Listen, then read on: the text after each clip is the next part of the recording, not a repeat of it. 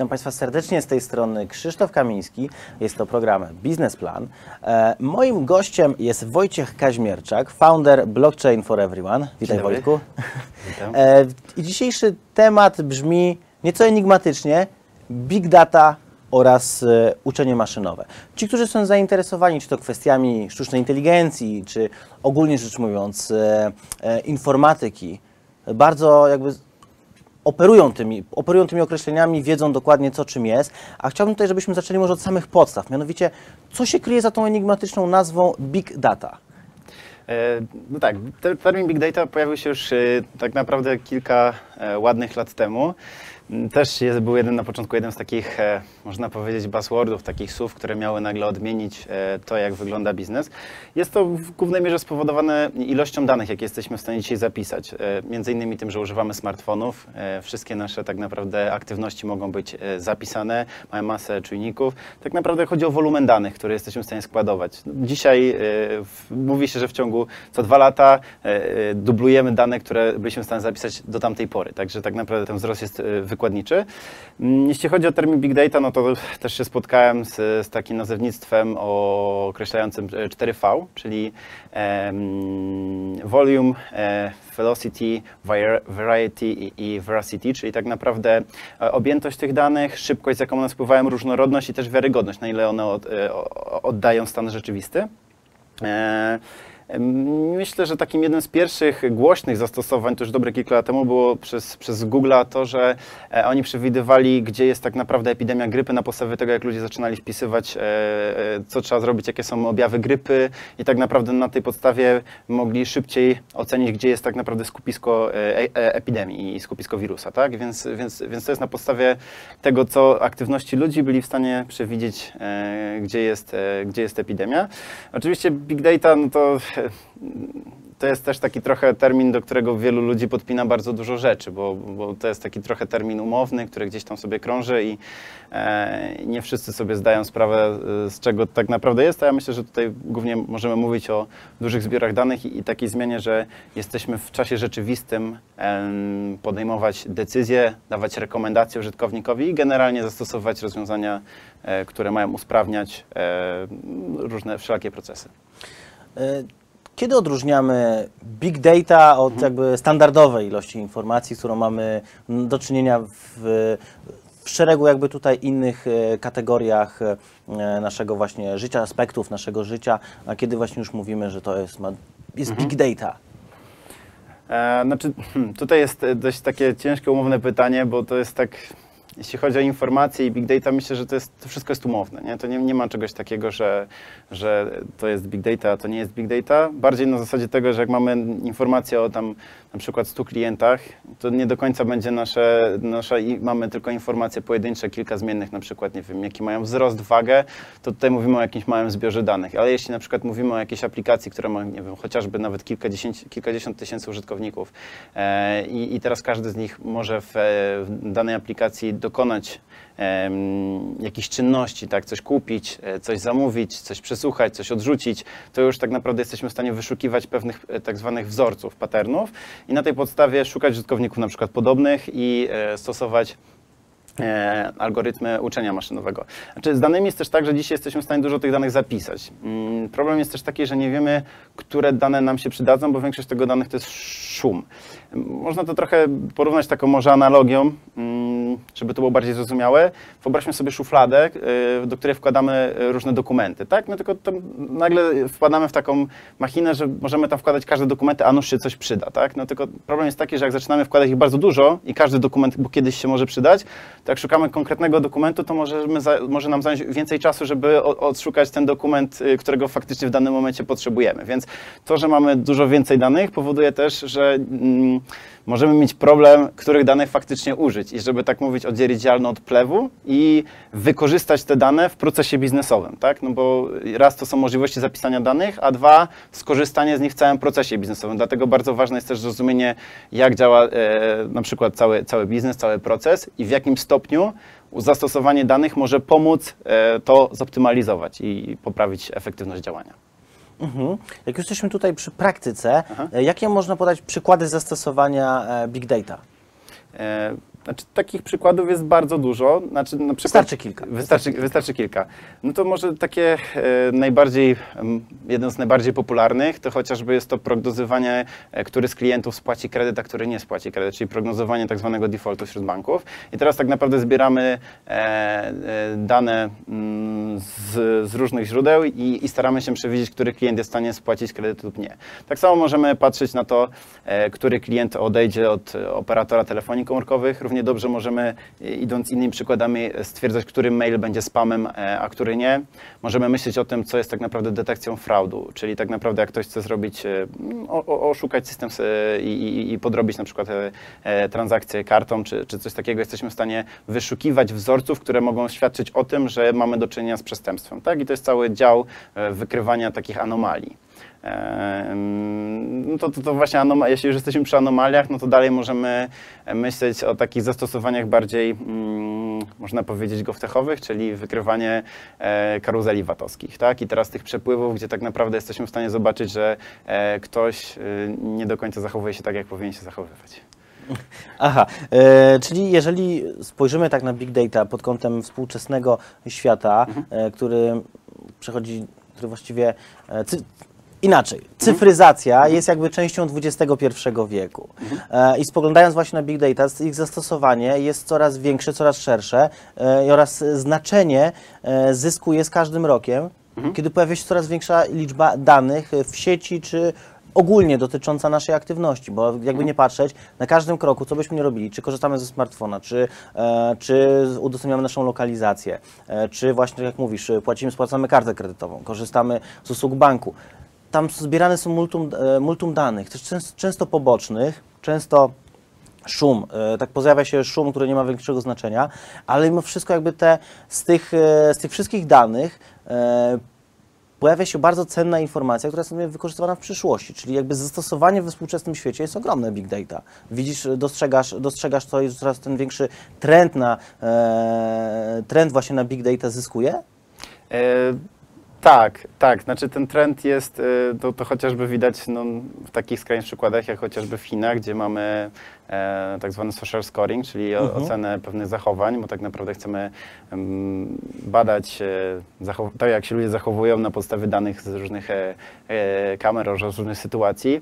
Jeśli jesteśmy przy zbieraniu takiego powiedzmy obrazu o użytkowniku, to jak najbardziej to ma miejsce, mamy taki ślad cy- cyfrowy, tylko na dzień dzisiejszy to raczej użytkownik nie ma z tego żadnych profitów, bo tak naprawdę dzisiaj to jak, jak chociażby wchodzimy po Facebooku, zostawiamy lajki, zostawiamy swoje informacje, to one potem służą do profilowania nas, tak? I zostawiania tego, jakim jesteśmy typem użytkownika. Jesteśmy w stanie, algorytm może zbudować pewien profil naszych zachowań, może zobaczyć, e, jakie, e, jakie emocje nam towarzyszą przy danych treściach, co lepiej nam pokazać. No czy oczywiście tutaj mm, od razu przychodzi do głowy cała afera z Cambridge Analytica. E, no, myślę, że fajnie, że ostatnio Netflix wypuścił dokument Great Hack, e, bardzo polecam, który też w, ładny sposób pokazuje skalę zjawiska i, to, jak to faktycznie wygląda.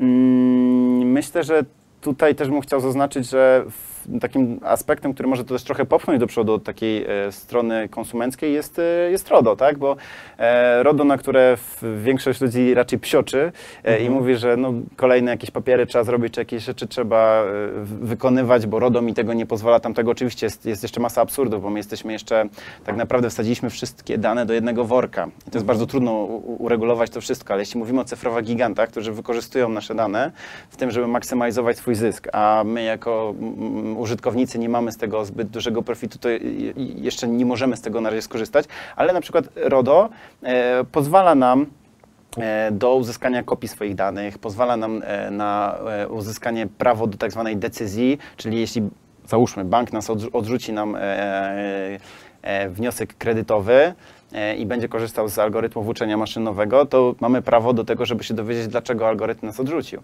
I tutaj idziemy w stronę tego, że mm, coraz większym trendem e, jest tak naprawdę mm, explainable AI, czyli wytłumaczalna sztuczna inteligencja. Czyli odchodzimy od strony takich black boxów, czarnych skrzynek, do których tylko wkładamy dane wejściowe i otrzymujemy wynik, tylko tak naprawdę staramy się zrozumieć, jakie reguły e, kieruje, jakim, jakimi regułami kieruje się algorytm, tak, żeby podjąć e, daną decyzję, co może wpływać na na, na to, że jesteśmy przez system e, uznawani za klienta, który raczej spłaci kredyt lub go raczej nie spłaci.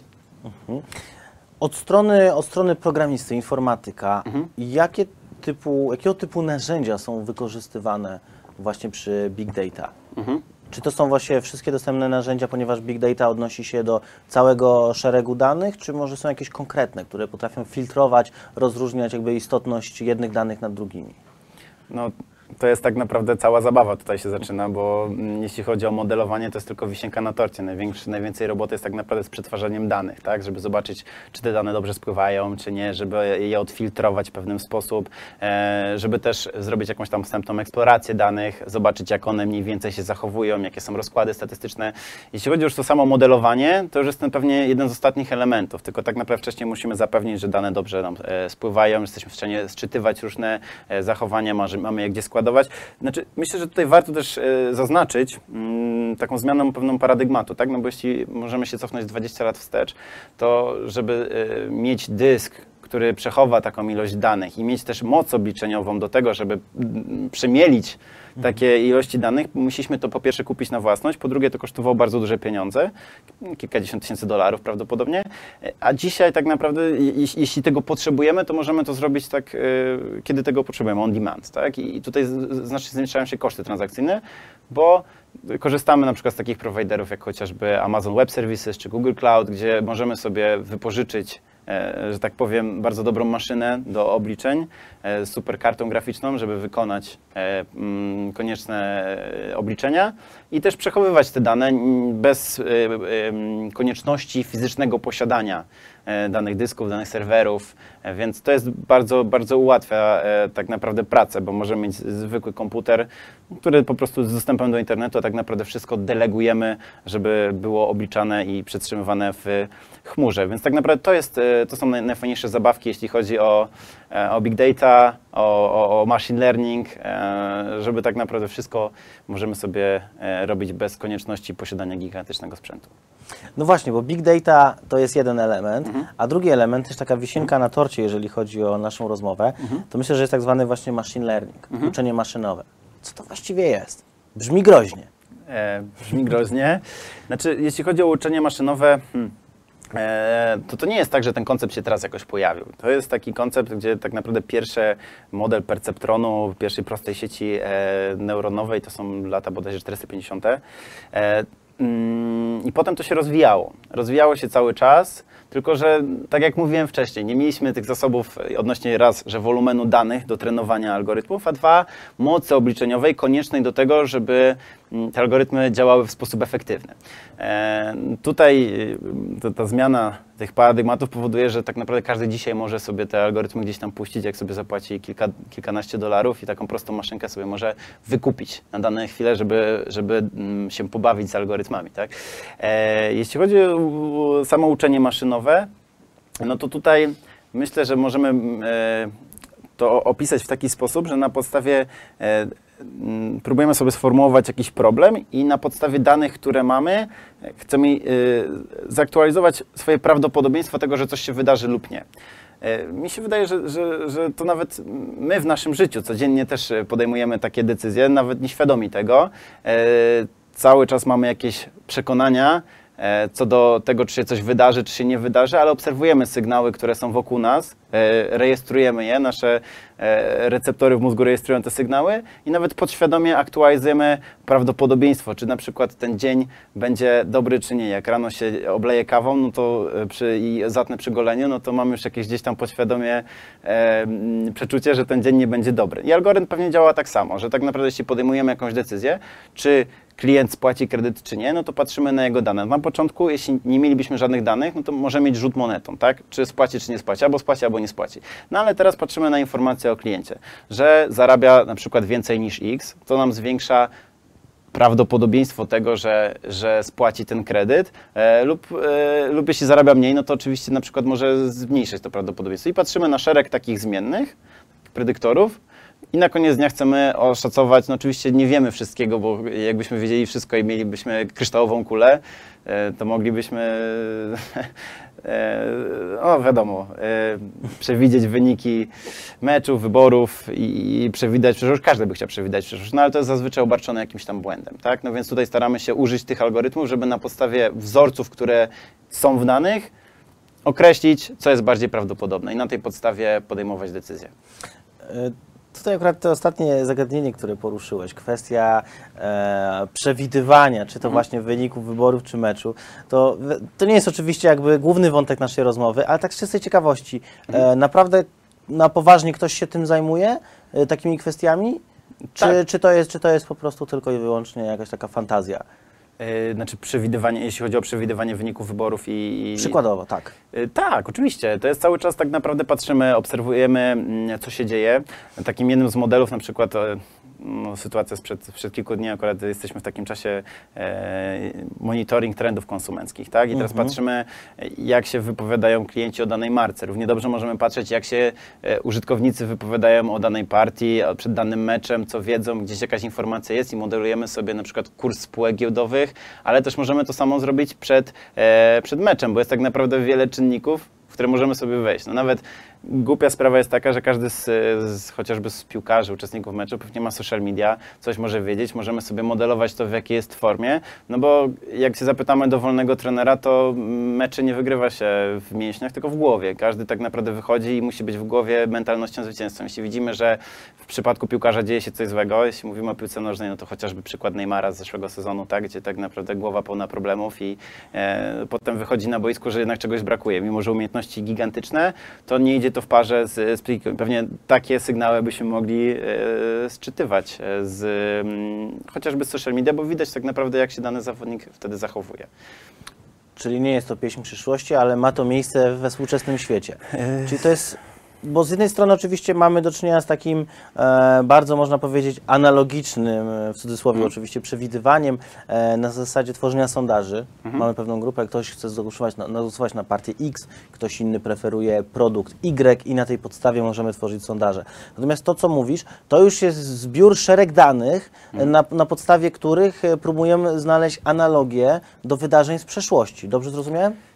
Tak, to jest jedna rzecz. Znaczy druga, jeśli chodzi o sondaże, to tylko kogoś pytamy, jak on ocenia, na kogo by zagłosował, czy na tą osobę, czy na tą, tak? Jeśli mówimy na przykład o sytuacji z, z Cambridge Analytica, która miała miejsce, to tam tak naprawdę mogliśmy zobaczyć, jak użytkownik reaguje na dane treści. Mogliśmy podsunąć daną treść i zobaczyć, jak on reaguje. I on o tym nie wiedział, czyli my patrzymy na jego reakcję, czy na przykład dostanie treści, które są... E, wychwalają jedną opcję polityczną, a nie wychwalają drugiej, albo odwrotnie, i jak on na nie reaguje, czy on je przewija e, i ich nie otwiera, czy je otwiera, czy reaguje, czy komentuje, czy e, patrzymy na to i staramy się zbudować jego profil psy- psychologiczny. A naj, najciekawsi użytkownicy z punktu widzenia właśnie e, firm takich jak Cambridge Analytica i sytuacji, która była podczas wyborów e, w Stanach Zjednoczonych albo chociaż po- podczas Brexitu, to właśnie użytkownicy, którzy są e, niezdecydowani. Czyli mamy ludzi, którzy są trochę tak nie wiedzą, czy pójść w tą, czy w tą i tak naprawdę to są ludzie, którzy decydują. No i wybory w, w Stanach e, to tak naprawdę 70 tysięcy ludzi, którzy zdecydowali o tym, że Donald Trump wygrał z Hillary Clinton, tak?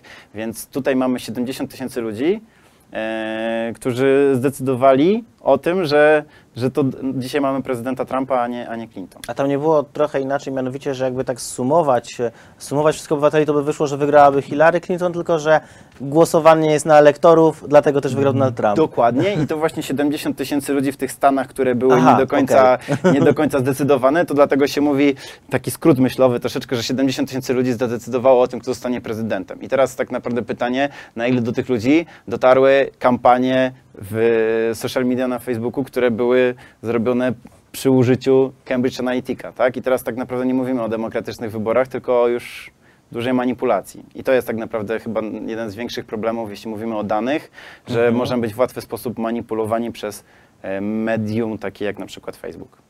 No tak, ale z drugiej strony mówimy manipulacja. Aha. Natomiast e, cały czas mamy do czynienia z pewną informacją i zawsze ta informacja jest w pewien sposób zniekształcony. To kiedy można mówić o manipulacji, a kiedy jest to po prostu zwykła informacja? No i to jest, y, to jest temat rzeka tak naprawdę, jak możemy o tym mówić. Y, Ostatnio, jak mi- miałem przyjemność tutaj, tutaj być, to opowiadałem trochę o, o właśnie mechanizmie TCR. I mechanizm TCR, e, czyli Token Curated Registries, dla przypomnienia, to jest trochę mechanizm krystalizacji ekspertów. Chcemy się wypowiedzieć co do pewnej informacji. I teraz chcemy skorzystać z trochę takiej mądrości tłumu, czyli jak sądzi większość, no bo to, to, to nie jest tak, że ktoś nam mamy jakąś wyrocznie tak zwanego orakla, który nam powie, że informacja wygląda w ten czy ten sposób. Każdy z nas jest obserwatorem świata i mają informację trochę zniekształconą. Patrzymy na rzeczy z, trochę z innego kąta, mamy trochę inny zasób informacji, żeby to przetworzyć i w, w, wytworzyć własną opinię. I tak naprawdę chcemy gdzieś się ze sobą komunikować, tylko chcielibyśmy, że jak ktoś coś mówi, to znaczy, że uważam w ten i w ten sposób, no to ja naprawdę tak uważam, a nie jestem, nie staram się tak naprawdę, mm, no mówiąc e, kolokwialnie, trollować innych użytkowników na zasadzie, że wcale tak nie myślę, a mówię inaczej, tak? Czyli tutaj tak naprawdę stawiam na szali moje zdanie, bo mówię, że tak uważam, bo w to wierzę, bo mam takie i takie przesłanki i uważam, że świat wygląda w danym kontekście w taki sposób, tak? I, i tutaj tak naprawdę staramy się odwrócić to zniekształcenie sytuacji, no bo na, nie mamy tak to w, w żadnej pewności, że dana informacja jest prawdziwa. Mhm. E, Big data oraz uczenie maszynowe jest to niezwykle intrygujący temat. Oba te tematy są niezwykle intrygujące, ciekawe. Powiedz mi, gdzie właściwie można uzyskać taką dogłębną wiedzę e, na ten temat, na te tematy, które omawiamy? Mm, Znaczy, tak naprawdę materiałów jest bardzo dużo i, i jeśli sobie wpiszemy hasło, czy big data, czy uczenie maszynowe, jest ich cała masa, bo każdy tak naprawdę tworzy tutorial. E, Ja bym bardzo polecał e, tak zwane MOOCi, czyli Massive Online Open Courses, czyli to są takie kursy oferowane często przez najlepsze uniwersytety na świecie, takie jak Stanford, University of, San Francisco, e, czy Harvarda i tak naprawdę możemy sobie zobaczyć na platformach takich jak chociażby Coursera czy Udemy i wykupić sobie nawet taki kurs, zainwestować. Często one są też darmowe, jak chociażby na, na platformie FastAI, gdzie możemy wejść w ten świat machine learningu. Jeśli chodzi o big data, e, to warto moim zdaniem też być na bieżąco, jeśli ktoś nawet nie jest e, programistą. E, Więc na, na początek, jakby ktoś w ogóle nie miał z tym znajomości, to wydaje mi się, że film Great Hack teraz jest na bieżąco, jest łatwo dostępny na Netflixie. Ja się bardzo cieszę, że zostało to wypuszczone, bo to mm, potrzeba jest, żebyśmy o tym mówili, żebyśmy zaczęli mówić, e, jak to się dzieje, bo e, większość ludzi niestety ma bardzo małe pojęcie o tym, w jaki sposób algorytmy wpływają na ich życie, więc e, ja uważam, że aspektów edukacyjnych powinno być coraz, coraz to więcej. I wszystkie akcje e, i takie, które w pewnym stopniu starają się uświadomić e, ludzi o swoich prawach, no bo teraz warto, żebyśmy wiedzieli, e, jakie mamy prawa w kontekście RODO, e, żebyśmy byli świadomi tego, że e, że firmy nie mogą wykorzystywać naszych danych bez naszej zgody, a jednak wiele firm dalej jeszcze to wykorzystuje. Więc y, wydaje mi się, że, że to, się, to się niedługo zmieni, bo będzie e, trend będzie taki, że, e, że to ludzie będą chcieli zarabiać na swoich danych, bo to jest jednak mimo wszystko bardzo duża wartość każdego z nas i to my mamy prawo do informacji o nas i mamy, powinniśmy mieć prawo do tego, komu ją udostępniamy i komu możemy ją sprzedać, żeby ktoś miał możliwość udostępnienia sprofilowaną reklamę. Na dzień dzisiejszy to robi Facebook, to robi Google, a my, jako użytkownicy, nie mamy z tego nic. Blockchain for everyone. Tak. Czy osoby głodne wiedzy, stawiające pierwsze kroki, Mhm. gdzieś mogą do was, do was się zgłosić i otrzymać rzetelną wiedzę? Tak, zdecydowanie to jest, jeden z, jedna z, to jest tak naprawdę nasz cel, że y, chcemy ułatwiać wejście w technologię e, ludziom na różnym poziomie, w różnym wieku, z różnym zaznajomieniem. E, organizujemy spotkania, staramy się tak naprawdę odpowiadać na różne zaproszenia. E, chodzimy do szkół, e, na uniwersytety, e, sami robimy otwarte wydarzenia. Prowadzimy też stronę internetową, gdzie udostępniamy e, materiały, artykuły. jeśli ktoś e, jest głodny wiedzy i się do nas zgłosi, to na pewno damy, e, otrzyma ją, plus damy jakieś wskazówki, w jaki sposób e, można się dalej rozwijać, bo co jest piękne w dzisiejszym świecie, e, wiedza jest na wyciągnięcie ręki, tylko trzeba po nią sięgnąć. Rozumiem, rozumiem. E, bardzo Ci dziękuję za tę rozmowę. Moim Państwa gościem był Wojciech Kaźmierczak, founder Blockchain for Everyone. Dziękuję bardzo Dziękuję bardzo, dziękuję. Do zobaczenia.